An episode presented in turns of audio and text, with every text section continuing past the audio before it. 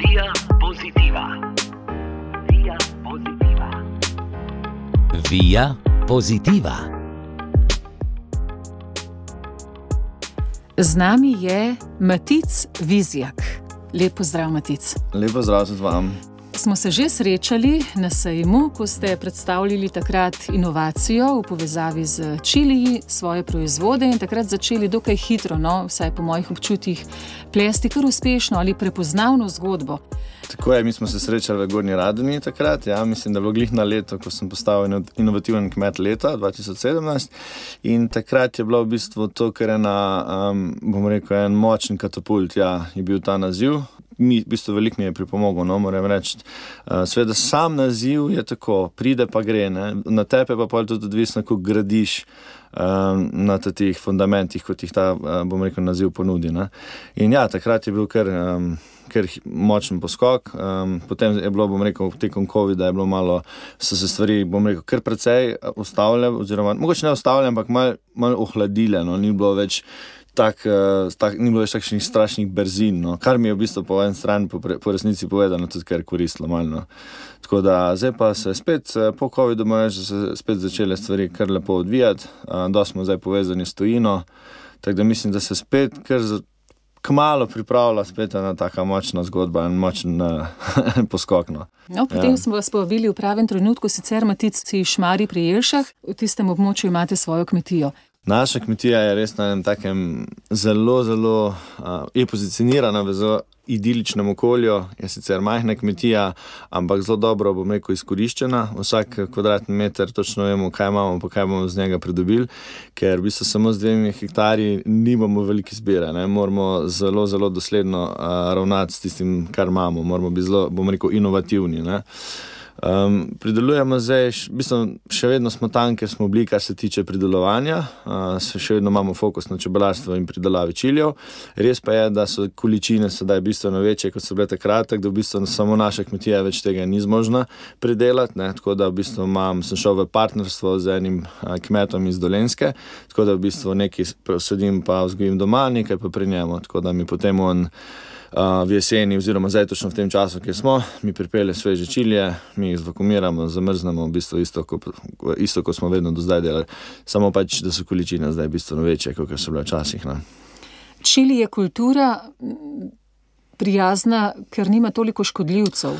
Čili je res tako super, pa super hvaležna rastlina, nima škodljivcev. Eh, ni, mislim, verjetno jih ima, verjetno ima tudi bolezni. Ne bom rekel, da jih nima, ampak pri nas imamo izredno srečo. Vse tudi, bom rekel, od drugih kolegov nisem nikoli slišal, da bi kdo, kdo rekel: Jo, mi je pa napadla plesen, pa mi je šla cela letina. Ali pa jo so prišli ne vem, kje je škodljivci, pa sem jih vse vem, pojedli, okužili, karkoli. Nikoli se nič ni zgodilo. Ne vem, ena taka hvaležna uh, sadika. Sicer je res da ta sadika ni glih primerna za, našo, za naše pogoje, ker rabi bistveno več toplote, bistveno daljšo periodo sonca, kot ima Slovenija. Tako da, če nimaš rastlinjaka, bo izplen zelo slab. No. V bistvu, zdaj, če si, bom rekel, da jih samo tako malo za veselje sediš, bo glih tako v redu, ne? bo prav tako, prav tako ok. Ampak če pa greš to se kot poslovno, moraš pa seveda gledati, da je stržek čim večji, čim boljši, ne? da je zadeva rentabilna in v tem primeru pa vsekakor potrebuješ rastlinjak. Kakšen je odnos, recimo, nasploh, ko človek pokuka malce iz povprečja? Iskreno povedano, je nekaj, mislim, seveda je dobro, nekaj odlično, je pa tudi kakšna, bom rekel, malo slabša stvar.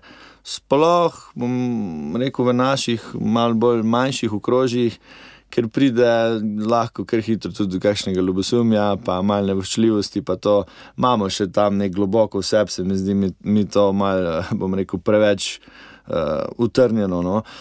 Mogoče me to na trenutke malo zmoti, ampak, uh, oziroma me je zmotilo, sploh v tistih momentih, ko, res, ko smo res dejansko iz poprečne, isto totalne neznanke, ne? naenkrat poskočiš ven in si naenkrat v vseh medijih, ne samo enkrat, ampak večkrat. Mislim, da res ni ena, redko kera televizijska oddaja, v kateri nisem bil, bil sem gost na vseh radijskih postajah, ne vem, po nekaterih tudi večkrat. Um, in je seveda potem prije, ampak to jaz mislim, da je neka da je to nek sestavni del tega. Ne? Veliko ljudi ti aplaudira, ti prevošči najboljše, um, so, so pa seveda tudi taki, ki pa ti ne. No? Vse to je, mislim, da je v, v vsakem sektorju tako. To moš pač, bom rekel, kot podjetnik um, vzeti v zakup, da je to pač sestavni del tega, ne smeš se s tem preveč obremenjevati. Jaz, kot bom rekel, res tak. Bom, mir, iz mirnega okolja, kot prihajam in vedno skušam ljudeh videti res le najboljše, pa tudi od sebe dati le najboljše. Me je na začetku mogoče malo prezidelo, eh, sploh od tistih ljudi, ki jih poznam, pa sem mislil, da imamo dobre odnose, pa sem pa videl, da jih mogoče nijamo jih. Ampak pa dolgo, dolgoročno gledano, pa pač le me ne moti več, se zdaj pa tako več ni tega, no se mi zdi. Oziroma, prej sem bil mogoče preveč čuječ za te zadeve, zdaj pa več nisem, zdaj pa lahko da se, lahko da se ne, jaz pa pač tega itak več niti ne vidim, ne slišim, ne čujem, ne dojemam um, in imam fokus na svoji poslovni poti, na svojim poslovnim partnerjem in gremo naprej. Ne. Se naučimo premoščati tudi ta notranja ponižanja. Ja, ja, ja. Vse to je v bistvu vse rast. To je poslovna rast, osebna rast, to so vse izkušnje. Za nobeno izkušnjo mi ni žal, vse, kar se je zgodilo, verjamem, globoko verjamem, da ima od zadnjih nek namen. In na te pa je, če se ti v bistvu z te šole, ki si jo dobil, pa če tudi če je bila na tistem na tist moment negativna, ali pa če si se slabo počutil, ali pa si bil žaloščen, je sigurno nekaj ti življenje dalo, da se iz tega nekaj naučiš da iz tega nekaj zraste. Ne. Kdaj pa vam je življenje dalo disciplino in tudi to osredotočenost, da imate svoj fokus? To sem pa takoj, v bistvu, ko sem končal srednjo šolo in sem se odločil, da ne bom uh, več nadaljeval šolanja. Eh, iskreno povedano, ne, vedno, ne vem odkot, ker spet ne, od, nisem odraščal v podjetniški družini, niti nimam nobenih podjetniških, oziroma takrat nisem imel nobenih podjetnih prijateljev, nobenih vzornikov, da bi se lahko od koga kaj sploh naučil. Čisto vse, kar sem, sem se mogel sam. Ne. In uh, je bilo, ko sem se odločil, da ne bom šel več naprej v šolo, da to niti probal nisem, ker sem rekel, pač ne, srednjo šolo bom naredil in potem grem, grem v svet, grem, grem čisto na neko drugo fazo. Sem rekel, ne želim iti še za 4 ali 5 let na faks. Sem rekel, ni šans.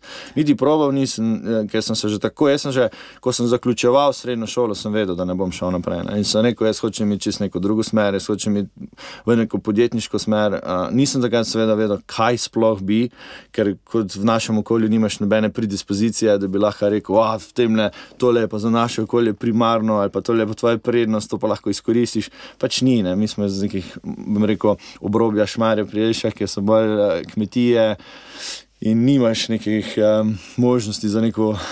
Strašno podjetništvo. Ne? Ampak sem, mislim, da je naredil najboljšo potezo v življenju, sigurno, da sem takoj po srednji šoli šel delati tujino. Uh, sem takrat v bistvu dobri dve leti preživel v Tulini, ker sem delal na ladji. Uh, tovorna ladja, mislim, da mi je naredila kar usnjeno kožo. Uh, se spomnim takrat, to je zdaj že 18 let uh, od tega. To je bila v bistvu daleč najtežja izkušnja v mojem življenju, ampak eh, sigurno najboljša. Ne. Na tiste trenutke je bilo res eh, težko, bil sem edini slovenc na palobi, takrat še ni bilo Facebooka, še ni bilo smartfonov, eh, kako se reče, teh pametnih telefonov, telefon, ja. nisi mogel nobenega poklicati in lahko si šel na one stacionarne telefone, recimo, in ta impulzi so bili takrat noro dragi in vem, da sem bil samo dvakrat sem poklical domov in obakrat sem jih oglasila stara mama. Tako da v bistvu v celi periodi nisem videl, ne slišal staršev niti enkrat. Uh, bil sem star 18 let, prvič v življenju sem šel sploh kam. Veste, kako je to? Ne? Ja, kot izgubljeni sin. Ja, skoraj da. Takrat smo bili, v bistvu, ko smo rasli, še kot mladi, smo v bistvu najdlje si šel, split, zadar, umak, hvar, mogoče tam. Ne? To je bilo pa to. Jaz drugih, druge, drugih držav nisem takrat videl, drugo kot Hrvaško obalo, ne pa Slovenijo. Niti nikoli še nisem bil na avionu, niti nič. In sem šel takoj v Singapur, uh, in sem potem pač bil slabo leto tam, ne? oziroma sem potoval z ladjo, no, tam smo se ukrcali. Potem, kmaj za tistem, sem šel potem še v Avstralijo in sem v bistvu eno leto živel še v Brisbaneu, tam sem začel kot natakar, ampak sem v bistvu, bom rekel, bil zelo pridn, no, sem se zelo hitro učil. Kasneje sem me predstavil kuhno in uh, mislim, dva ali tri mesece kasneje sem postal šef kuhne. Ne? In sem bil daleč najmlajši v restavraciji, daleč najbolj zagnan, učil sem se in to mi je bilo recimo pri Avstralcih všeč, ki njih, njih sploh ni zanimala šola. No, nikoli me ni noben vprašal, a si ti kuhar bo z izrazbi. Uh, nič, noben, ti sam, a se boš naučil, a boš znal, kaj, kaj boš pokazal, ti zga vem, samo pa pogovarjal naprej. In to je glih za moj tip človeka, ker imam pač sem srednješolsko izobrazbo, je to najboljši način. Ker vse danes, recimo, tudi faks, pa visokošolska izobrazba ti sploh ne pomeni več tu, kot ti je 20 let nazaj. Takrat, če si naredil ti visokošolsko izobrazbo, če si imel faks, si bil kar garantiran, da boš imel kar en, en, eno dobro službo, en, eno dobro pozicijo, bom rekel, mogoče en, tudi en precej dober finančni položaj v življenju. Ne? Danes pa te garancije več ni. Ne? Danes pa te garancije več ni, pa ne samo pri nas, nikjer v svetu. Ne? In je toliko bolj pomembna iznajdljivost, pogum, drznost. In pa predvsem vera v sebe, pa v ljudi, ki te obkrožajo ne, na tvoji, uh, bom rekel, sploh začetni podjetniški poti, ki je, ki je daleč najtežja. Ne. Ker takrat najbolj hrepeniš po kakšni pohvali, po, po um, bom rekel, eh, ko ti ne gre, da te dvignejo, da, da, da imaš to podporo. Ne. To lahko rečem, da recimo moji starši me finančno nikoli niso mogli podpreti, ampak so me pa, bom rekel, niso nikoli mi kontrirali, nikoli niso šli proti mojim idejam. Ne glede na to, koliko so bile moje ideje rigorozne, nelogične, sploh kar se tiče tega, eh, kar se tiče mojih pikantnih proizvodov, ker sedem let nazaj tega v Sloveniji ni bilo. Ne. Takrat sem imel tabasko. Pa imeli smo še enega proizvajalca iz Gorenske in to je bilo to. In tudi ljudje takrat niso bili navajeni na pikantno hrano, niti to ni bilo takrat trendovsko. In se pravi, je bilo treba trend ustvariti. In se pravi, si šel proti vsem, proti vsej logiki. In takrat je bilo v bistvu tako, da sem imel eno malo pes ljudi, ki so mi dejansko dali podporo, pa so rekli: Pej, naredi prvi festival pikantne hrane v Sloveniji. Veš, vsi so šli proti meni, še, na naši, še v naši občini nisem dobil podpora takrat. Ne, veš, ono, ja, pa kdo bo prišel v šmarjo za rečilja. Vse, kar je dok nam proba, ne bomo nikoli vedeli. Ne. Ne. In sem šel v bistvu čisto tako golo, boso idejo v to zgodbo. Bom rekel, več je bilo kontriran, kot pa suporta. No, Mm, ampak Matic. Vizjak, kako preučili, kako ste se našla? Čili pa v bistvu, bom rekel, je pa to. Uh, ne, ljubezen čile mi je nekako oče, uh, vz, bom rekel, v cepu, ampak ne hote. To je bilo tako, da ko si spal, ko si še, ko si še mali mulj, pa malo pomagaš doma. Pa, uh, ko so ljudje prišli pomagati, mi po domači rečemo v ta vrh. Ne? Ko so ljudje k nam prišli na kmetijo pomagati v ta vrh, je pač vedno sledila malca in se veš, klasika, s- suha salama, untret, sir domača pogača. Ne? Ampak a, oče naš je pa vedno dal še čilije na mizo. Ne? Ali Pa, takrat so bili še feferoni, takrat še ni bilo čilijev, ne? 20 let nazaj, 25 let, ne? ali pa še več, so bili samo feferoni. Ne? In je vedno oče rekel, moraš jesti česen, če bo pa čili, eh, pa boš vedno zdrav. Ne? Ampak ti, ko si star 6-7-8 let, ne, ti res takrat ne študiraš na zdravje. Ne? In Ko, ti, ko imaš še ton česen, pa feferone, si misliš, po kjer sem se jaz ne. pač, ni, pač to mi ni pil vode, sploh ne. Ampak pol odraščaš, ti feferoni so bili skozi nekako z mano. Uh, potem sem tudi uh, jih sam začel nekaj malo gojiti, pa, pa ko sem šel v tujino, sem pa tam začel tudi raziskovati. Sploh v Avstraliji, ker sem živel, recimo, ni ta kultura tu poznana, imajo bolj wasabi, ne? to je ta zel, zelenkas, ne? tako da hren podoben ok- okus, pa občutek. Potem tudi z ladjo, ko sem potoval po celem svetu, sem vse posod probaval čilije, od Šrilanke do Mehike, ni da ni. In potem sem te semena malo pomiral, pa jih prenesel k sebi domov. In pa sem doma šele s to začel. Ampak to je bila čist nedožna zgodba. Jaz sem posadil ne vem, 20 čilijev ali pa mogoče malo več. In teh je čilijev bilo ogromno. In je to, to jih ne moreš pojesti. In pa kam bomo s tem čili? Škoda jih je bilo na kompost vrst. Nekaj bomo naredili z njimi. Ne? In pa smo zatem, pa ja, bomo naredili kao, on, kot nek pikanten sataraš. Ne? Sam da jih ponucamo, bo domač povedal. pa, pa, ja, vredi. Ne? No, in takrat se spomnim, sem šel še kar tam kmetijsko zadrugo, po prve te 100 ml stekleničke, uh, svoj prvi logotip sem kar sam v Wordu uh, dizajniral, pa sem šel kar tam do lokalnega tiskarja. Uh, že takrat sem imel, bom rekel, moj vzdevek, ki je bil že od nekdaj čili frik, ker sem vedno najbolj pikantne čili, ja, mogo jesti, ne? in pa sem vedno bil čili frik. In sem pa tudi kar rekel, ok, to pa ne bo moj. Um, Eh, Te pa ne bo moja blagovna znamka, tudi čili frik. Ne? No, in smo pa kar tam z lokalnim tiskarjem naredili na prvo etiketo, tako res čisto simpel, enega, enega pajaca s čili, tako pa čili frik. In pa jaz tudi uh, čili omake, ker tako prodajo, malo po 5 evrov na okolje. Um, eh, glih sam, da sem mal za hec, bolj za šalo, kot za res. Ampak pa se je pa nekaj zgodilo, da so ti prijatelji, ko, so jih, ko sem jim zastojim potalo, pa tako so rekli, hej, pa jaz bi pa to še imel. Uh, pa bi šel unem na obisk, pa bi unem dal zadarilo, pa unem zadarilo. Pa tak. in pa sem v bistvu ta zgodba nekako začela odvijati. Meni je pa teh flash hitro zmanjkalo. Um, in so rekli, lej, jaz bi kupil, ne? Pa sem rekel, le, pa to sem tako malo te pa mi daj 5 evrov, no ajde, pa tako malo. Veš, to je totalno nedolžna zgodba. Dej, da si za stekleničke povrnem, sem si mislil. Ne. No, ampak to je pa kar šlo, šlo, šlo. Um, na, mislim, to je kar, bom rekel, kar veš, ko na, kako se reče, snowball efekt, ne? ko se začne rolati, se nastavi. Ja, ko se kepa začne tako, koteliti. Tako. Lepa zgodba, predvsem zato, ker je bila potrditev potem tudi z okolja, ampak verjetno vas je pa presenetilo, koliko takšnih navdušencev nad tem okusom je v Sloveniji. Ja, je bilo, mislim, ravno najboljši moment smo, smo ujeli, ker očitno nas je bilo več takih, kot sem bil jaz in teh mojih, ta moj ozek krok prijateljev. Ampak smo bili, po, po raz, smo bili razkropljeni po celi Sloveniji in nismo drug za drugega vedeli. Razen malo prek Facebooka, kakšna slikica drug drugem, hej, smo pa tudi čili, pa unčili, pa smo pa na Facebook skupino naredili, čisto tako nedožno, ne, da smo se malo pogrupirali. Pa pa smo rekli, pa pikolino, dajmo se mi enkrat dobiti na enem. Takrat smo rekli, da bomo naučili tržnico narediti, ne? nič strašnega, nekaj čist nedožno zadevo. Ne glej tu, da malo vidimo, pa malo makic, da malo probamo, pa si malo sodike zmenjamo, pa bo to to. Ne? No, pa, pa je teh uh, kandidatov bilo vedno več, vedno več, naša Facebook stran je začela hitro rasti. In kaj je preraslo? Ne? In potem sem pa rekel, škaj, pa, pa naredimo enormni festival, ne? pa naredimo manjšo glasbo, pa naredimo pa še eno tekmovanje, kdo poje najbolj pekoč čili, pa tako naprej.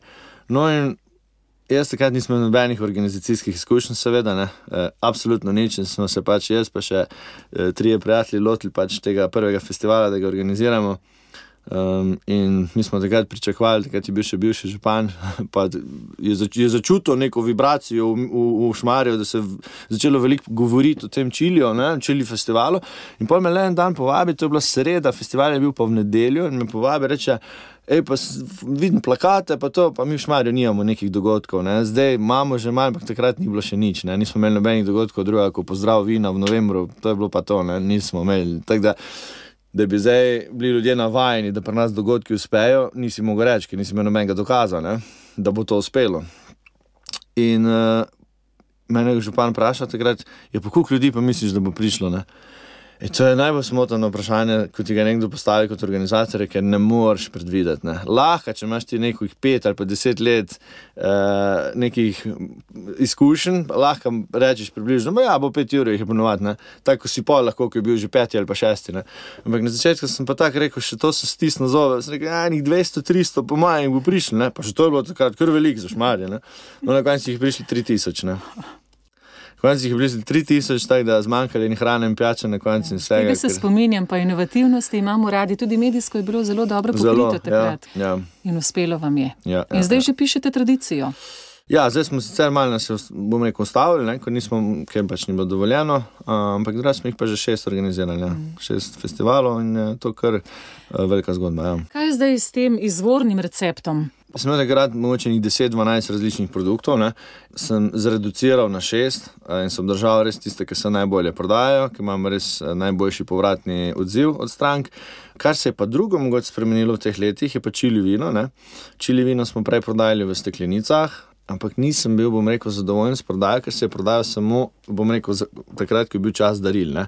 Recimo za Valentinovo, pa za, za, za, za decembrski čas, ne, ker je bila tako prestižna, uh, elegantna steklenica, je bila pač malo višji cenovni razred.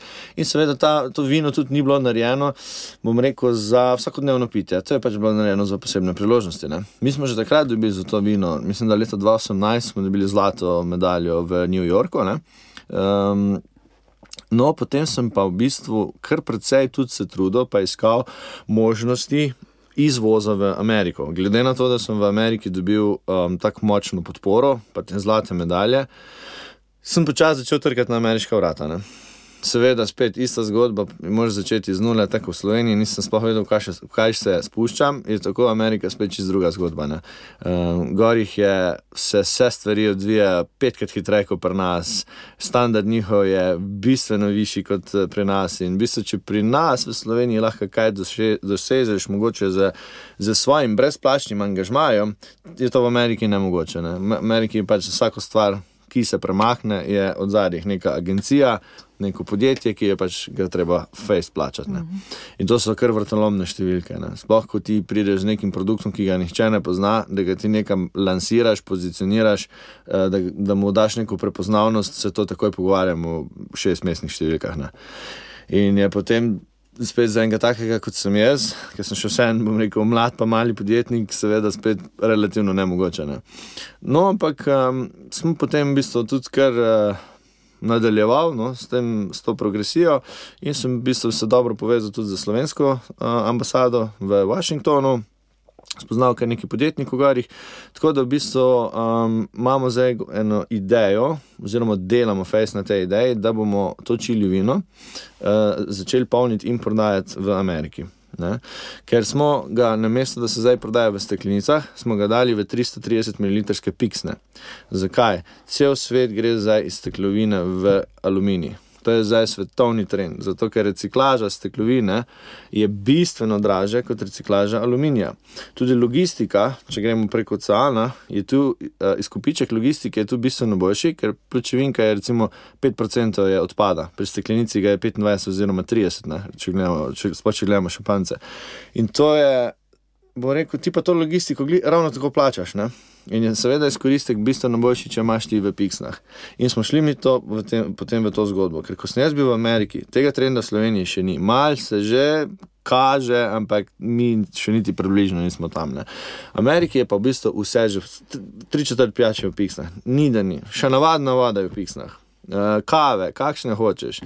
To je te functional drinks, ki so zdaj fuj popularni, se pravi za študente, za, za, za tudi, ki se učijo, za delavce, za fokus, za budnost, za ne vem kaj. In seveda, kar je tudi zdaj novi trend, vse mora biti sugar free. 10-15 let nazaj je moglo biti vse brez maščob, vse je bilo fat, fat free, ne? vse je moglo biti ono, je bila spet neka, nek strašen trend. In potem, tam, ko so reducirali maščobo, so pa nabili cukor. Ne? In smo v bistvu naredili še slabše. Ampak mi, nas, v bistvu, bomo rekel, prehrambena industrija nas je zavajala za enih 20 let. Ne? No, zdaj smo pa, ker so pač ljudje le tukaj postali vešči, pa samo uki, ne? ker pač informacije na spletu je, kar hočeš, če le želiš najti. So videli, da je pač to bistveno slabša stvar. Ne? Je boljš, da poješ malo več maščobe, pa malo manj sladkorja. Ne? In zdaj se pa trend obrnil, bom rekel, v pravo smer. In zdaj je vse mora biti brez sladkorja, eh, brez eh, umetnih sledi, brez umetnih eh, dodatkov. Ne? In mi smo v bistvu naredili zdaj pijačo čilino špric, ki je v bistvu v piksni, pol je vina, pol je karbonirane vode, zraven je pa dodana uh, naravna aroma. Pri eni je bazilika, pri drugem je pa gozna jagoda. Se pravi, bazilika je bolj za moško populacijo, gozna jagoda je pa bolj za žensko populacijo. Ne? In sta tudi združena v magični številki 69. Ne? Šestka je za žensko, devetka je za moškega in dobiš tak lep parček 69. In jaz sem s to zgodbo v bistvu prišel v Ameriko, Gori sem bil, spet sem požel zlato in srebrno medaljo na ocenjevanju za lansko leto. Oba sta bila, mislim, devetica, no ta za moški je bil izglasovan v New Yorku lani kot najboljši wine špric leta 2022 v Ameriki. Ne. Teda smo v bistvu v New Yorku spet dobili zlato medaljo in kakor dobiš to zlato medaljo, imaš seveda takoj bistveno višji interes z uvozni, strani uvoznikov, distributerjev in tako naprej. In seveda mene najde potem ena uvoznica, sem bil na sejmu uh, Wine Expo v New Yorku, mislim, da tudi lani je bilo, ja, mislim, da lani. In me najde ta uvoznica, navdušena nad pijačo, noro, rekla, wow, to moram imeti, zgodba je huda, ste to number 69, se lahko igramo, mislim, kar se tiče prodaje, kar se tiče reklam, lahko delamo nore zgodbe. Um, In smo se par pa let dejansko potem tudi že poslali v Ameriko. In kaj se je zgodilo? Po COVID-u, uh, pač tisti, ki se ukvarjajo s tem, bojo tako vedeli, so šli kontejnerski prevozi noro gor, 300 do 400 odstotkov so se podražili. Ne.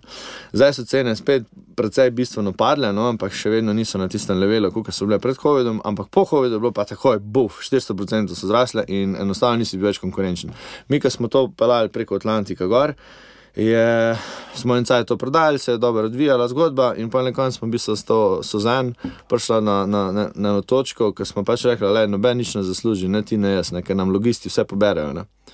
Logistika nam je pobrala, veš, net, net profit, ki smo ga imeli, nam je vse logistika pobrala in smo se pač odločili, da je to ne bo šlo tako naprej, no. nekaj moramo ukrenati. Produkt je zaželen, je dober, je piten, je, je markanten, je čist nekaj novega, kar še nima Amerika. Ne kaj narediti. Ne? Sem rekel, jaz ne vem, kaj imaš kot predlog. Ne? In pa je ona rekla, zakaj pa ne bi ti to formulo, ki jo imaš, prenesel v Ameriko, dobiš tu FDA, se pravi Food and Drug Administration uh, approval, ne? se pravi dovoljenje, da lahko gre to na police, pa ga polniš in prodajes kar tukaj. In to je pa seveda, kje boš zdaj najdel ti polnilnico, kje boš ti zdaj najdel nekoga, ki ti bo eh, znal kopirati formulo, ki je bila, bom rekel, izumljena oziroma ustvarjena v Sloveniji, ne? oziroma pri meni doma v Šmarju. To je spet projekt, ki je dolg, tako da rabiš enega potrpljenja med, da ohjoj ne. In sem rekel, v redu, če misliš, da je tako prava pot, pa, pa gremo to pot. Ne. In spet sem bil na neki točki, ko nisem imel po domačem pojma, kje naj začnem, kje je tu točka A sploh. Ne. In uh, ona tudi ni imela nekih vez, no, da bi mi lahko pomagala s tem polnilnicam, in pa je pač Google, pa računalnik, pa greš iskati. Ne. In sem iskal razne te polnilnice po, po celi Ameriki, in sem šel v bistvu potem za en mesec, pa pol tudi uh, gor. Ne. In sem prepotoval celo vzhodno obalo, od New Yorka, Washington, New Jersey, um, potem dol do, do Floride, Teksas, Missouri, pa sem šel na eno stran v Nevado, Kalifornija, sem jih 8-9 statov sem takrat prepotoval, da sem, da sem probal dobiti en. en En dober del za eno polnilnico, ki bi mi znala to razviti in seveda tudi polniti. Ne. Ampak kaj se pa pojavi? V Ameriki so številke ogromno velike. Ne. Tam, če je vse, kar je pod šest mesečnih številk, se ne vem, spostavlja, ne pogovarja. Ne? Ker, kako se reče, vem, konzumacija gor je tako bistveno potratna. Pa noro večje kot pri nas, da to, če ne vidiš živo, si sploh ne znaš predstavljati. Ne. Jaz sem živel tudi pri moji tej uh, Suzanne, pri, v Mizuriju, pri moji voznici, kakšen mesec, po mojem. In sem videl potem, kakšne navade imajo. Oni ne pijejo, jaz sem bil edini tam, ko sem pil uh, vodo iz kozarca, iz pipe. Ne? In una, jaz postavim kozarc pod pipo, natočim pipo, ona me gleda. In jaz vidim iz, iz njenih oči, vidim, da me, da me nekaj čudno gleda. Sem rekel, kaj ni pitna, ne? kar je čisto možno, ker po celi Ameriki ni pitna voda. Ne? Sem rekel, a ni, pit, ni pitna voda. Pa reče, joj, ne vem, še nismo probali. Sem rekel, pa, skak, pa se pa živite tu. Rekel, jaz so mi ne pijemo vode iz pipe, mi jo pič pijemo iz piksen. Ne? Pa se nikoli še niste pili pipe z vodo. Jo ne. Se pravi, pa to je gospa, ki je, bom rekel, 60, nekje okoli 60 let stara, ni pila še vode iz pipe. Ne? Veš, In sploh dejansko ni bila čisto pri- pripričana, ali je pitna ali ni pitna, ker jim to sploh ne gre skozi misel, da bi probali, da bi se pozanimali. Ne? Ker je Mi- piksna, piksna, piksna. Ne? Mi kome verjamemo, ampak navade so res tako železne in niti ne pomisliš Ja, na kaj drugega. Ja. Ja, pa, oni imajo, veste, vse poznate v ameriški hladilnik, ko se tako odpre in je velik tak, da lahko gre ta dva človeka not. XXXL. Ja, totalno. ne. In potem je pa še en hladilnik zraven, v katerem so pa samo pijače. Vse, od A do Ž, brezalkoholnih, alkoholnih. In potem imaš te vode, ne videl pač tekom dneva, to gre po 4-5 na dan v hladilnik, odpre piksno vode, navadne, spije tiste 330 ml, ne, vrže smeti in potem čez 2 ure prije po drugo. To je seveda za proizvajalce super.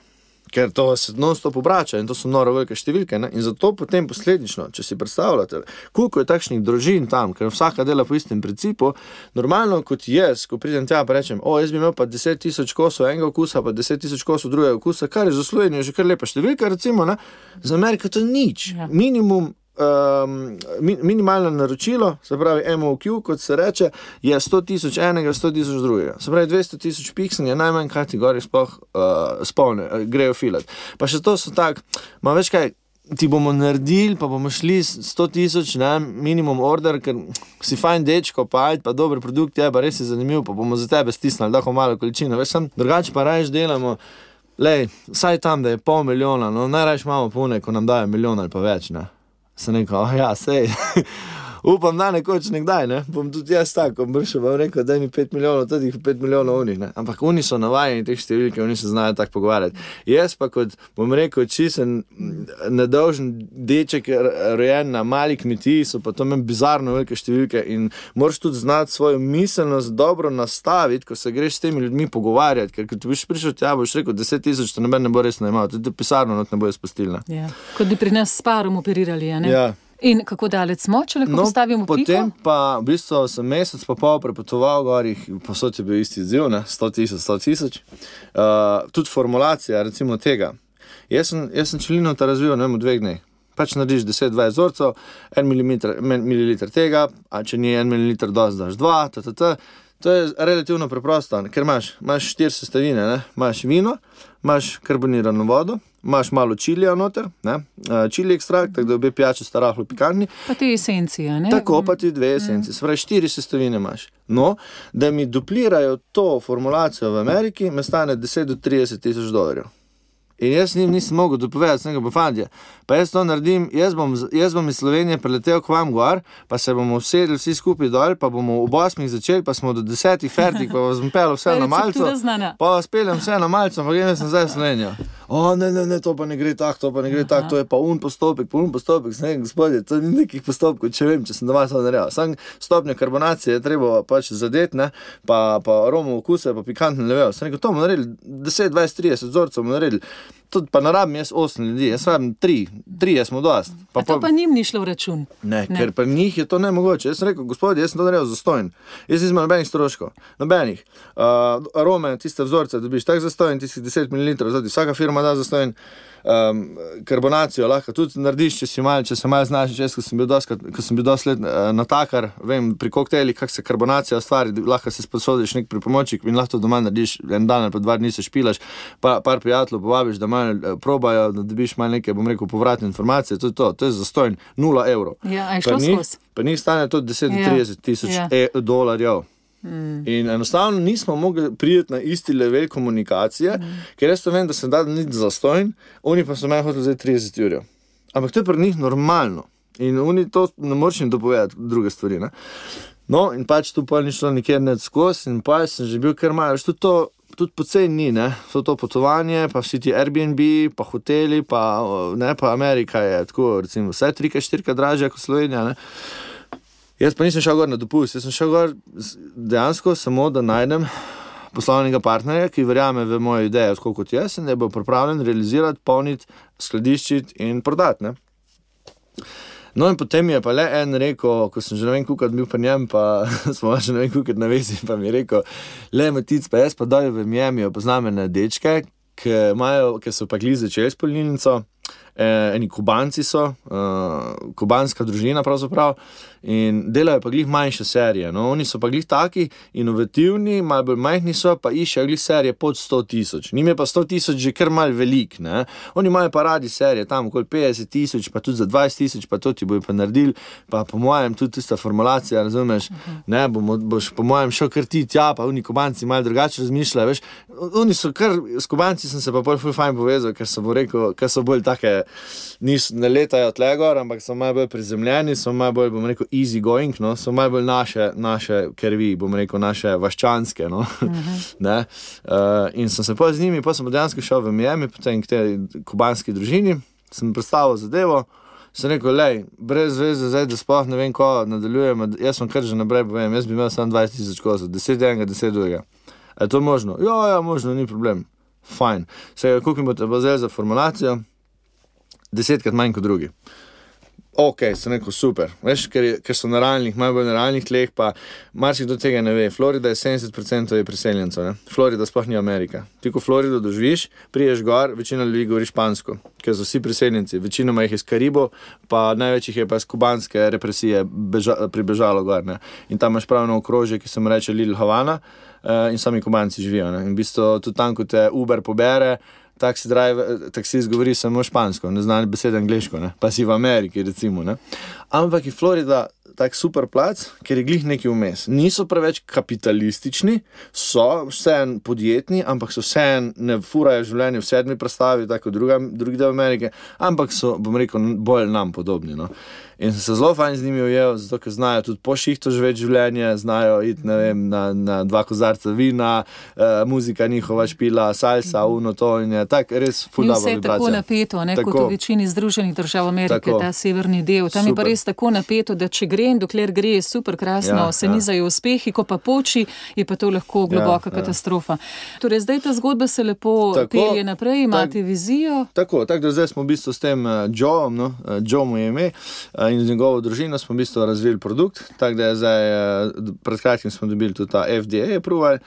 Tako da v bistvu vse je pozicionirano, uh, vino imamo, uh, tudi uh, se pravi reden source vina, kar je tudi v Sloveniji, recimo, bi jaz imel slejko prej težavo. Ne? To mi je bilo prej na misel, ja, Ja. sem kar pustila, Matic, da sami opišete zgodbo. Ja, slejko prej bi prišel tu na težavo, Ja. ker recimo nimamo mi v Sloveniji niti enega vinogradnika, mm. ki bi mi lahko 12 mesecev na leto zagotovil ne vem, 20 ali pa 30 Ja, ali pa tolikšno 50 tisoč količino. litrov vina. Nimaš ga. Ne. Najdeš jih nekaj, ki jih lahko zagotovi, recimo novembra, decembra, januarja, ne. po pa bolj, ko se oddaljuje tista trgatev, manj je vina, bolj ga vsi držijo ne, za sebe. Sploh pa tukaj, ker kupuješ večje količine, je cena bistveno nižja in oni ga raje v flašah prodajo, ker dobijo več. Seveda razumljivo. Ne. In um, Sveda, to za začetek, lahko se to greš, ampak dolgoročno, če bi šel neki izvoz, bi pa tako ali tako mogel to nekam predstaviti. Kar sem seveda za Evropsko unijo tudi v bistvu naredil. No, sem šel v, sem tudi do Italije prevozil, do spoh padove in sem najdel tudi tam eno zanimivo vinogradniško družino. Tudi en tak mlad prevzemnik je, tudi nekaj mojih let, en Matija in uh, oni pridelujejo 8 milijonov litrov vina na leto. Uh, je pa rekel, lej če ga boš imel premalo, sem pa član konzorcija, v katerem je še 21 takih vinogradništv, kot sem jaz. Pa bomo že zbrali. Delamo uh, prek 200 milijonov litrov vina. Uh -huh. To je pa za evropski trg. Viš, to je pa, uh mhm. -huh. tako, viš, to je pa recimo pri Italijanih zelo. To bi se lahko slovenci zelo zgledali. Fleksibilnost mogoče. Konzorcije ti ne. A, veš, da so kot eno. Ne, in da nastopajo tudi ti, če vidiš italijane, ko Nekaj nastopajo pri sejmih. Tako, ampak to so bravo. No, lepo, kar ste omenili, nisem jih hotel omeniti. Oni so bolj ali manj edini. Ko so imajo res, bom rekel, nek svoj konzorcij. Vsi drugi, pa vsak za sebe nekaj in smo premali. Ne. Ti, ko greš na te velike vinarske sejme, Italijani imajo skoraj vedno največje, največji eh, procent se, sejmišča, ne? še večji kot francozi ali pa španci. Največji skoraj vedno so Italijani. In Italijani imajo prav po konzorciji. Imáš Padovo, imaš Undeo, imaš Tizdeo, imaš Sicilijo za sebe, imaš Kalabrijo za sebe. Ne? Ampak to so močni konzorci in skupaj nastopajo. Ne en proti drugemu, ampak vzajemno. Ja. In tako so bistveno močnejši. Ne? Pa še če poznaš naravo, tudi geografsko, pa sploh recimo, kje so ti proizvodi, se bi bil popoln kolaps, če bi se v Italiji tako razpravljali razparcelirali, kot se še vedno v ja. Sloveniji delimo. Ja. Vsaka kmetija je zgodba zase. Tako. Toliko je še zanimivih zgodb. Globalni trg vas je vedno zanimal, ste našli povezavo s rodnimi dušami, ampak lepo, da tudi na domače lepote ne pozabite. No? Zdaj postali smo znova malce bolj pozorni, sicer poslovno zgodbo spremljamo, Čilije vidimo, da ostajajo lepo v zanimanju javnosti. Pritegnila pa je ta nenavadna pot iz Pirana do Triglava. Pa ja. potem tudi vsa ta ozadja. Ste v več intervjujih rekli, kako pomembno je, da vzdržujete tudi telesno kondicijo, šport vam je blizu, ker krepak organizem potem zmore tudi vse te psihične napore, to uravnovesje psihofizično. Kako je prišlo pa do te pobude iz Pirana na Triglav? V bistvu jaz sem spet, bom rekel, sem nekaj eh, podedoval ali pa mi je bilo podano no, iz družine, ker sem odraščal v hribovski družini. Mm -hmm. no. Oče in mama sta že prej hodila v hribe, uh, ker sem jaz bil še mali in sta me že v, šoli, pardon, v osnovni šoli vpisala v planinski krožek. Ne. In zdaj, pa, ko si še mali, včasih ti je zaid, včasih ti ni zaid, ne? ampak pa sem pisal ta planinski krožek in sem celo osnovno šolo hodil, potem že z pač, določenimi sošolci, ki je bilo organizirano v hribe, pa starši. Pa tako tako jaz sem bil na tri glavo prvič, mislim, da jih 20 let nazaj, po mojem, ali pa še kaj več. 20-25 let nazaj sem bil že prvič na tri glavo, z ramočeta takrat. In to je bila spet ena stvar, ki sem jo zelo v rosnih letih, bom rekel, začel doživljati. In sem jo potem tudi, potem, ko sem, bom rekel, s kondicijsko, bom rekel, prerastel te poti, ki so jih pač moj oče in mama osvajali, uh, smo potem začeli v, bom rekel, dosti bolj zahtevne ture. In sem venomer ostal gornik, planinc po zimi in poleti, tudi prosto plezanje, um, vse, vse možne zvrsti, kar jih je v gorah, v bistvu se jih držim že za zadnjih deset let zelo aktivno. Ja, pa če ste v, plinske, v planinskem krožku, to pomeni, da znate poskrbeti, vendar tudi za varnost. Ja, seveda, seveda. Zdaj smo v bistvu v v planinskem društvu Kostrivnica in imamo ga Franka, našega predsednika, on je super vodič in res tak, tak oče nam je vsem, dober, odličen mentor. In uh, nas je zelo veliko naučil, no? tudi po zimi, da osvajamo gore. Tako da je res fantastična zadeva, tudi da si malo sprostiš glavo. Ne? No, sem pa tukaj imel srečo, da imam še na dva prijatelja, um, Tadeja in Janja iz Šmarja, ko smo pa v bistvu ena trojica, ki pa res skozi hodimo skupaj gore že leta in leta. In meni je prišla na misel, mislim, bil sem že tukaj na tri glavo. Da se mi že po domač povem, ne da več. in vsako leto se spet najde neka skupina, ki te proba naštima, da gremo na tri glave, gremo na tri glave. Sem rekel, da je že že vseh smeri bil gor tukaj na tri glave, da res se mi ne da več. Pa tukaj imamo drugih, še lepših gora v Sloveniji kot tri glave, rečem še kam drugam, ker nisem bil.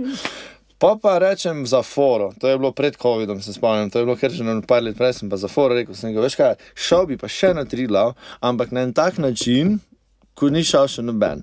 Pa ne bom zdaj rekel, da ni šel še noben, sigurno so, je že kdo šel, ampak definitivno pa noben ni dobil take medijske podpore, kot mi, pa sploh nismo planirali, niti nismo je iskali. Ampak to se je čisto dolžno zgodilo, ampak že takrat smo to planirali. Seveda, a, ampak tri, mislim, ja, tri leta smo mogli odpravo odpovedati, ker je bilo vedno slabo vreme napovedano. To je pa petdnevna tura in ne moreš si privoščiti, da je slabo vreme, ne? ker imaš sorobo nosi s sabo in če se to enkrat mi zdaj šopere, en dan bi še nekako, vse imaš une palerine, ampak vse en priješ moker, čevlji so mokri, tako ali pa drugače, slasi še ne vem kako zaščiten, pa pride žulji, že tako ali tako smo imeli žuljave noge, tako da je bilo kar groza. In pa sem rekel, če bi šel, pa, pa, pa nekaj pade, da je, kaj pa če bi šli iz najnižje točke Slovenije na najvišji vrh, se pravi, Piran tri glavne. In takrat smo tole. Tadejo pa Janijo, to idejo predstavil, sta bila takoj za to. Sem rekel, wow, nori ziv, to še pa nikoli nismo kaj takega. ne." Sem rekel, Dnevni "Gremo." odklop moških. Ja, sem rekel, to pa gremo, super, top. Ampak se pravi, pa smo trikrat mogli odpovedati, letos je bilo pa napovedano vreme, uno, se zdaj smo imeli en mesec lepega vremena, ne?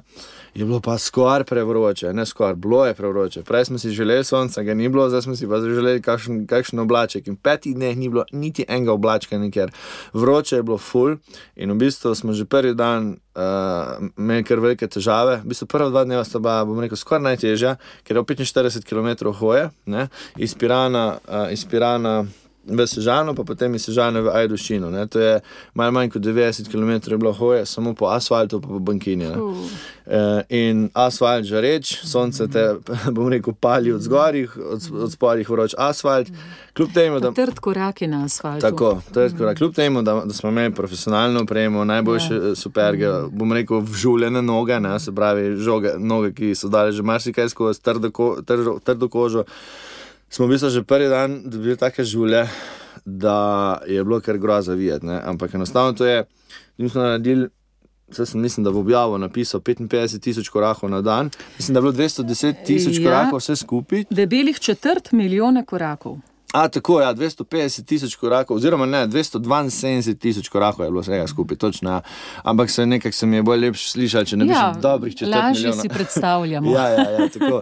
No, Četrt milijona korakov. Tako, ja, ampak to je v bistvu malo več, to je okoli 55 tisoč korakov na dan. Ne? Če se predstavljate, to je non-stop en in isti gib, zato ker smo skozi po ravnem hodili. ne. In lej, nimaš take obutve, da te bo obrovala Ja. pred žuli, kljub temu, da smo imeli noter uh, prah, ne, take, uh, da ti varuje pred potenjem. Ni šlo, lej. prišli smo zvečer v Sožano, smo imeli take noge, da smo se kar malo pogledali, smo rekli, kako bo tole zjutraj, ne? Kako bo tole zjutraj izgledalo. Nič kaj pride ne vplahni, a ne? potem pa to nazaj. v- Ja, in to je bilo pa vsak dan, vsak dan ja. Prvi No, sej, Matic, lahko smo si predstavljali, glede na že ta opis neverjeten. Paladjo sva samo tako mimo grede omenila, potem šef kuhin, kuhinje v Avstraliji, potem zdaj v drugo ta potovanja. Pol te zemeljske oble ste pa res prerešetali, če malenkost pretiravam, pa na hitro povzamem, ampak vendarle ta pot po domači zemlji iz Pirana na tri glav je bila ena težjih psihofizičnih preizkušenj. Že to potem človek otehta te vaše izkušnje iz sveta, ampak tu doma si je človek zadal enega najtežjih križev. Ja, Ampak bila- zmagoslavje je bilo verjetno toliko večje. Je bila, je bila zelo, zelo, zelo težka. Kondicijsko še ni bil tak problem, ker Ah, smo, ker smo vsi trije zelo dobro kondicijsko pripravljeni. Jaz treniram od. Jaz sem redno športno aktiven, če točno povem, 32 let. Evo, Ja, skozi vse življenje, skozi. ne, skoraj. Od prvega Ja. razreda osnovne šole, ko sem karate treniral, do potem, ko sem maratone tekel, uh, fitness, gorništvo, celo življenje sem športno aktiven, 4-5 na teden skozi, odkar se spomnim, od prvega razreda osnovne šole. No. Ta moja dva kolega pa tudi, no, ki skupaj pležemo, smo skozi skupaj v hribih, tako da sem vedel, da kondicijsko verjetno ne bi smel biti tak problem. Če pa se bo kje, bomo rabili več počitka, bomo pa podaljšali za en dan, se ne ramo dirkati. Ne. Ja, Ampak. Težava je bila pri teh žulih. In mi smo pa vsak jutr mogli uvid, pete, vse, vsak prst posebej, narte skupaj zategniti, smo imeli čist povite noge, obuti tiste šuhe, pa je začeti, ampak. Pa greš nekako, no. vem pa, ker točno vem, da tudi njima ni bilo lahko, ker je bilo, včasih smo kar brez, brez besed mes ostali, ker je bolelo čisto vse, kaj je bilo možno. ne. Ampak, lej, se je pa to povezalo, Matic? Ja, ja, ja. Mislim, mi smo tako, bom rekel, zelo povezani. Že te gore, eh, recimo, jaz sem gornik, pa potapljač. In to so, bom rekel, ena taka mentaliteta ljudi, ki smo malo posebni, malo, malo, malo smo drugačni. Ne. Je treba se pripraviti na, mislim, psihično moramo biti pripravljeni na stvari, ki se ti lahko zgodijo, recimo, ko jih sploh ne pričakuješ in kako boš na, na, to se- kako boš na to odreagiral. To je pa isto kot v vsakodnevnem življenju, kot v poslu. Jaz tako rečem.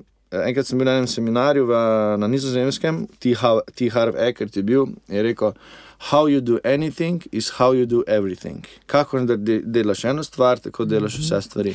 Preizkušate svojo moč, včasih tudi ob mejnih trenutkih, ampak vendarle vas to krepi tudi za poslovni svet. Da ne pozabim, Matic, kar mi je zelo hvaležno, rekli ste, da opažate tudi pri mladini. Fantje, kje je ta pogum, eh, moška samozavest? Pravite, tega več opazite pri ženskah, nekoliko neodločeni, prestrašeni na eni strani mlada moška populacija, medtem ko ognjevito zdrznost mladih posameznic. To se je zamenjalo. Zelo se je to zamenjalo. Jaz sem bil, uh, bom rekel, preko sem še imel več časa, sem bil uh, mentor mladim podjetnicam, uh -huh. mladim podjetnikam.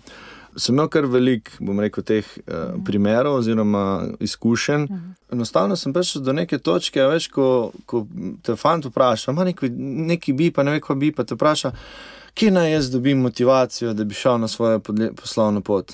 Sem rekel, prijatelj, če ti rabiš motivacijo, da greš na svojo poslovno pot, potem niti ne pojdi, ker ne boš naredil nič.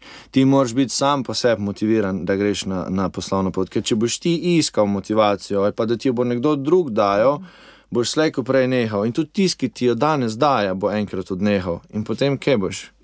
Na isti, a še na slabši, slabši točki, kot si bil prej. Ne?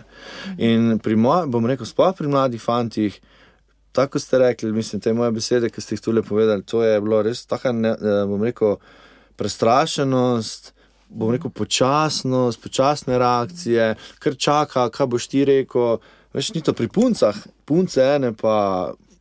Ko, ko, ko une, kar iskre letijo ven, če ideja na idejo, ideja na idejo. Sploh recimo, če kak mlad ženski kolektiv stu, skupaj stopi, pa da se razumejo med sabo, pa to dela gigantske premike. Recimo. Vse to se je fez spremenilo. Recimo, ženske so danes pač dosti bolj karieristke, kot so bile včasih. ne.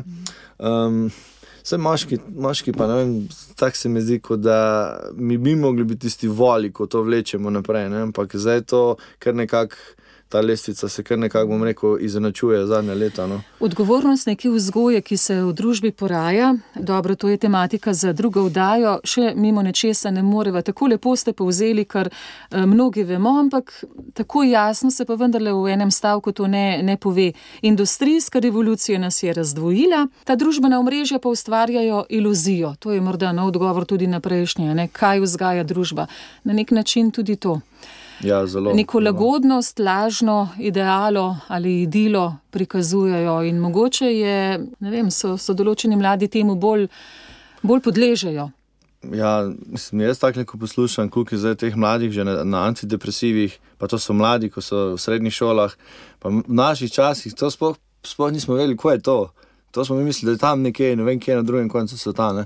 Eh, Danes je pa tega vedno več. Se tudi, recimo, uh, je težko dobiti, recimo, zdaj še z drugimi podjetji. Mi pravijo, recimo, ko imaš, uh, kako je težko dobiti tudi enega delavca eh, ali pa enega mladega. In tudi, recimo, ko sem v proizvodnji naši, ko delam, kak vidim, ker ne more brez telefona, skozi telefon, pa skozi vse, one, kako se reče, notifikacije, no, na vseh teh apih, ne, morajo imeti skozi pržgane. In to je skozi distrakcija.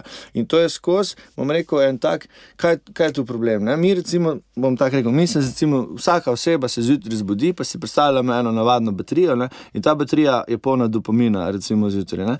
In Na voljo imaš tudi dopamina, ne? to je hormon sreče, eh, da imaš željo prosperirati, da imaš željo rasti, da, da si vesel dneva, da hočeš nekaj ustvariti, da hočeš pač nekaj narediti iz sebe, da hočeš nekomu nekaj pomagati, da se hočeš ukvarjati z nekim športom ali iščeš nekaj več no, v življenju. In ti pač imaš to en, en, en levelček dopamina, ki ga zjutraj imaš.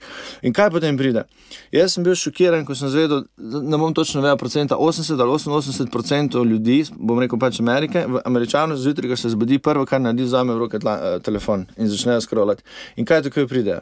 Um, takoj ti, ti vcepijo v glavo, kaj je slabo, kaj se je zgodilo, v kaj moraš verjeti, kaj je trend, kaj je dobro in kaj ni dobro. In spet si izgubil svoj jaz. Ne?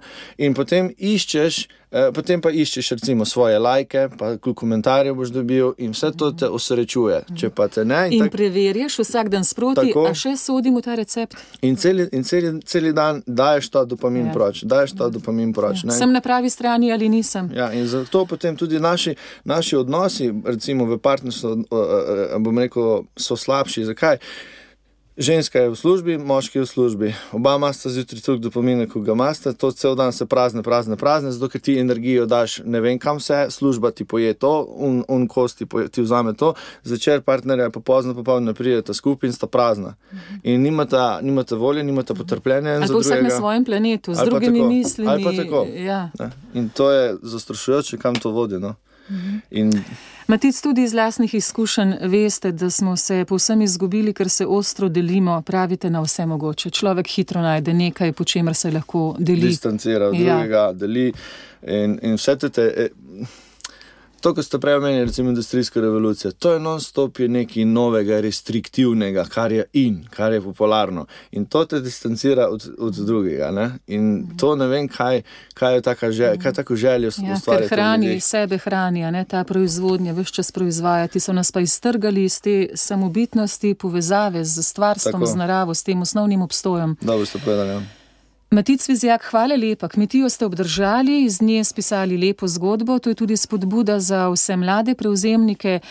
Kmetija ima prihodnost, ampak seveda nek produkt, verjetno, ki je nosilen in tudi okolje, čeprav majhno, za začetek naj bo spodbudno.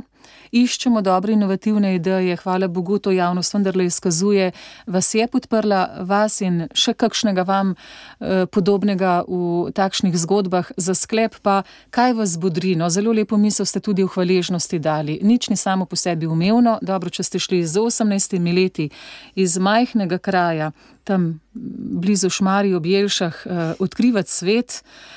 Eh, ko vas je verjetno ta novost. Eh, Ja, včasih povsem potisnila ob tla, mm. dobro, vi ste imeli ne, to, to izkušnjo in iz nje potem rasli. Um, kaj reči za popotnico meni, vsem, ki naj jo zdaj poslušajo, da nič ni samo po sebi umevno, kaj bi vi rekli in kje ima tu prostor hvaležnost? Ja, jaz bi mogoče rekel, um, mogoče vsakem ne bo ta izjava čisto všečna, ampak Ha, potem jo pa sploh želimo slišati. Takšne se Ampak- običajno pravi. jaz imam v bistvu eno mišljenje in sem pripričan, da je temu tako, da je vse v tem življenju fair. Koliko daš noter, toliko dobiš ven. In več, ko čez večje bolečine, čez več uporov, več strahu, več savs, ko si dal v življenju skozi, in si šel čez to, in si še vedno nadaljeval, kljub temu, da je vse kričalo, da odnehaj, kljub temu, da si dobil ne vem koliko nožev v hrbet, kljub temu, da so ne vem kaj kazali s prstom na tebe, ker je bilo ne vem koliko nejev, nejev, nejev, nejev, da še vedno greš naprej, vztrajaš, hodiš. Uh, budriš samega sebe, da si tukaj močen, ko nimaš nobene, bom rekel, zunanje podpore, da jo najdeš sam v sebi, dolgoročno te življenje definitivno močno nagradi. Jaz to strogo verjamem. In vse se mogoče sliši zdaj tako, mogoče plehko ali pa malo preveč enostavno, ampak vse poznamo, vsi to, koliko daš, toliko boš dobil. To je res tako simpel, pa mogoče zelo eno, preveč enostavno. Ampak če pa globoko zajameš, pa pogledaš vse, kaj si v življenju dal že skozi, čez kukenih težav, preprek in kukati si mogel sam sebe dvigniti gor, ko nisi imel nobenega drugega, da bi te. Um, nekdo drug, ki pa poklekne po najmanjšem problemu ali pa ponori ob najmanjši brezvezni situaciji, komu bo zdaj življenje dalo več? Kdo si pa, bodimo iskreni, kdo si tudi zasluži več? Kdo si zasluži več? Tisti, ki je kljub temu, da je na kolenih, pa še vedno po kolenih hodi naprej, pa vidi vedno neko luč na koncu tunela, ali tisti, ki pade na- na kolena dol, pa se preda pa reče: Ah, v Sloveniji nič ni možno, eh, tu je tako, samo moraš med veze, tu samo uno, ne vem kaj, eh, pa to ne bo noben kupil, pa to, če bi kdo, če bi ta produkt, uh, recimo, imaš dosti bo takih stvari tudi, ja, pa to, če bi uh, ta produkt, če bi ga kdo kupil, bi ga tako že nekdo drug naredil. Ja, Sam, če noč tega naredil, noč nikoli vedel. a si pripravljen razkriti nekaj svojega časa, a si pripravljen čez tisoče nejev, a si pripravljen dati nekaj finančnih sredstev, za katere nimaš absolutno nobene garancije, da boš dobil kdajkoli kaj nazaj za to. Če si ja, boš šel, boš probal, vse mogoče ti bo prvi spodletelo, ampak se ni fora, da ti je spodletelo. Dejstvo je, da je tu, ta, tu ko naj bi ti po tvojem spodletelo, tukaj je bila neka šola za tebe. In z te šole je samo na tebi, a si se iz nje nekaj naučil, da si lahko naredil en korak naprej. Zdaj pa, ali boš pri tem koraku nehal, obupal, se nisi naučil nič, nisi naredil nič. Okay. Če pa boš iz tega koraka, jaz sem takih padcev imel milijon, pa še jih imam in jaz vem, da jih bom imel tudi v prihodnje, ampak jaz se jih ne bojim. Ne bom rekel, da se jih super veselim, ampak znam jih pa sprejeti, se pomiriti in potegniti iz tega paca, na rekovajih, ker to za me niso paci, to so samo šole oziroma darilo življenja, da ti da neki nauk, iz tega se nekaj nauči, da boš boljši. Boljši, močnejši, hitrejši, boš lahko naslednjič ne boš tako reagiral, boš lahko reagiral boljše, boš naredil lahko nekaj več. Ja, ker vemo, da tožba nikoli ni prinesla nekega dobrobita, tako pač je in tudi življenje, čeprav razumem, matic vaše besede, dobro jih razumem. Ne baranta, življenje ni ruleta, življenje je vedno na naši strani. Je, če le mi verjamemo v to. Matic, vizijak, hvala lepa za navdušujoč pogovor. Ja, hvala vam še, še enkrat za povabilo. Mislim, da smo se na zadnje srečali pred šestimi leti, če se prav spomnim. Tako da sem bil vesel vašega, vašega povabila, tako da verjamem, da še kdaj. Če ne prej, pa če šest let znova. Zmenjeno. Srečno. Zmenjeno. Hvala lepa. Via positiva. Via positiva. Via Positiva.